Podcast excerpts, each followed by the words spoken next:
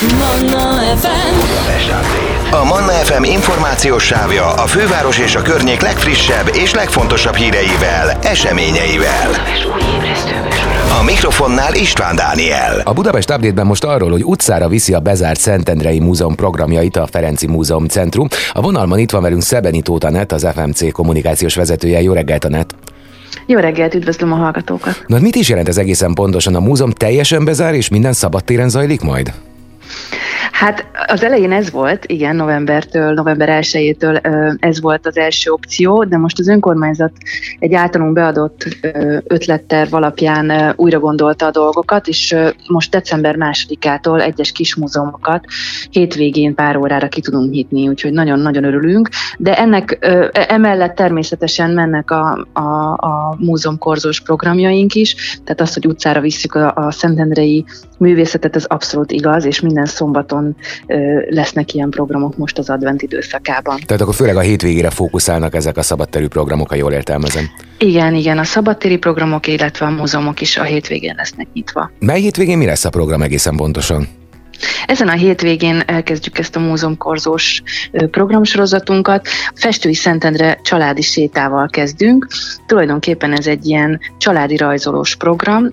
Az, az a lényege, hogy a gyerekekkel, a családokkal együtt járjuk Szentendre utcácskáit, és megnézzük, hogy például Vajda Lajos vagy, vagy Cóbel Béla hol állt meg, és hol alkotta meg a, a híres, híresebb képeit, műveit, grafikáit és lehetőség lesz, hogy a gyerekek kapnak rajzeszközöket, papírt, kis táblácskát, és ők is ugyanezt a kapualjat, vagy éppen motivumot meg tudják rajzolni maguknak. Hasonló lesz a jövő heti programunk is, csak akkor ott fotózni fogunk, ugyanezzel a, nagyjából ugyanezen az útvonalon, de természetesen aki kicsit komolyabban érdeklődik a művészeti séták, vagy a Szentendre művészete iránt, az csatlakozhat az összes többi programunkhoz, hiszen lesz Vajda sétánk, lesz Barcsai sétánk, illetve lesz egy nagyon izgalmas régészeti sétánk is, ugye Szentendre területén található a Kastrum területe, a Kastrum, a Kastrum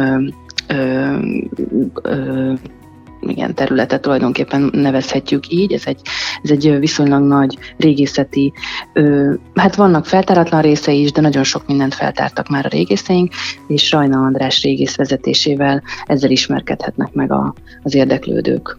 A Szentendre... Még, hogy jó idő lesz. Hát igen, az mondjuk ilyenkor azért több esélyes még, így karácsony előtt. A Szentendreiek egyébként nyitottak erre? Ez egy új próbálkozás, vagy volt már valami hasonló?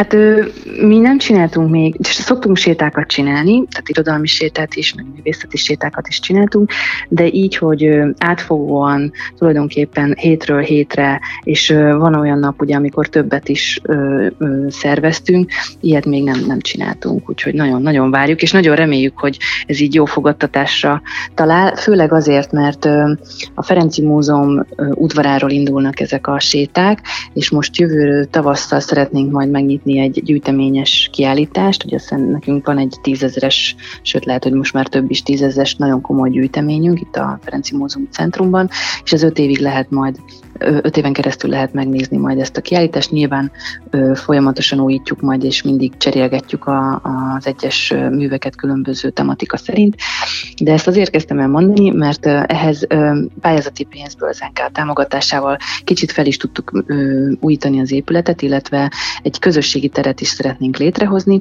és ennek a része az udvar is, úgyhogy majd másik, tehát az udvaron keresztül lesz majd a főbejárat, és már ezt szeretnénk bevezetni így ezzel a programmal, programmal, úgyhogy egy nagyon kis hangulatos adventi udvart varázsolunk majd ide ezekre a programokra. Lesz forrad, bor, meg tea, és egy picit lehet is pihenni majd ott a séta előtt, vagy a séta után, ki hogy szeretné. Ezek a séták ingyenesek? Nem, ezer forintos díjjal tudjuk ezt csinálni. Regisztrációt igényel? Igen, vannak főleg a, a családi sétáinkhoz szeretnénk regisztrációt kérni, hiszen eszközöket szeretnénk majd adni, és hát ez kellemetlen, hogyha valakinek nem jut. Úgyhogy szerintem az a legjobb, hogyha regisztrálnak az érdeklődők. Sok energia megtakarítató így? Ezt mondjuk úgy képzeljük el, hogy ősszel vagy a nyár végén, amikor jöttek az aktuális hírek az energiaválságról, leültek egy kockás füzettel és számoltak?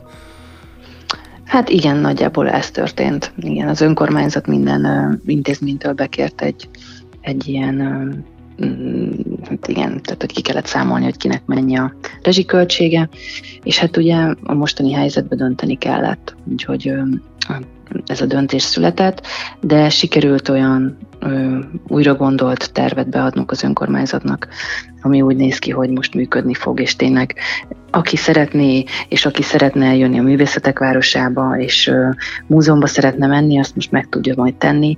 A Czobel Múzeumban, a Képtárban, a Vajda Múzeumban, illetve a Kovács Margit Múzeumban.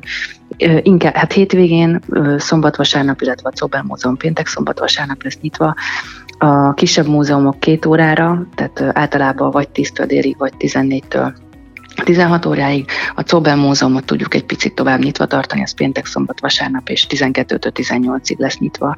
Egy újra rendezett Czobel Béla Modok Mária kiállítás kapcsán egy megnyitót is szeretnénk jövő pénteken szervezni. Úgyhogy hát én nagyon-nagyon örülök, mi nagyon örülünk ennek, hogy azért mégiscsak lesz erre lehetőség, hogy aki Szentendrére jön a művészetek városába, az tényleg kap, kap is a művészetekből. Említés volt már itt egy új udvar kialakításáról. Jövőre egyébként készül a múzeum a szokásos programokkal, vagy ott is lesz az energiaválság miatt változás, vagy ezt még egyáltalán nem lehet látni? Hát nyilván nem lehet látni, mindenképpen készülünk és tervezzük, tervezzük a, a tavasztól való újabb kiállításaink megnyitását. Amint említettem, lesz egy öt éves mm, gyűjteményes kiállítás, amire nagyon büszkék vagyunk itt a Ferenci Múzeumban, de a Művészetmalomban egy európai iskola kiállítás is nyílik majd májusban, ez szeptemberig, ugye ez is óriási nagy dolog egyébként, mert, rég, mert rég, régen volt már ilyen. Tulajdonképpen elmondható, hogy amit tervezünk most itt tavasztól, az igazán Szentendréről fog szólni, tehát lesz Vajdak Lajos kiállítás, lesz ugye az Európai Iskola gyűjteményes kiállítás, Barcsai kiállítást is tervezünk, tehát azt gondolom, hogy most így a jövő év, az, ha valaki valaki eljön Szentendrére, akkor tényleg megismerheti az igazi szentendrei múltat, és hát ő mm, kortársakkal is tud találkozni, hiszen, hiszen itt van nekünk az ikon, ahol kortárs képzőművészetek, képzőművészek munkáit állítjuk ki, illetve a fotolab, ahol kortárs fotóművészeknek a munkáit lehet megcsodálni. Úgyhogy nagyon, nagyon izgalmas idő elé, vagy idők elé nézünk. Hát reméljük hamar jön a jó idő, és hamar lesz tavasz, hogy akkor az összes többi épületünket is rendes nyitvatartásra meg tudjuk nyitni a nagy közönség előtt. Szebenító Tanett, nagyon szépen köszönöm, és sok sikert az adventi programhoz. Én is nagyon szépen köszönöm, és várunk mindenkit. Viszont hallás! Manna FM. A Manna FM információs sávja a főváros és a környék legfrissebb és legfontosabb híreivel, eseményeivel.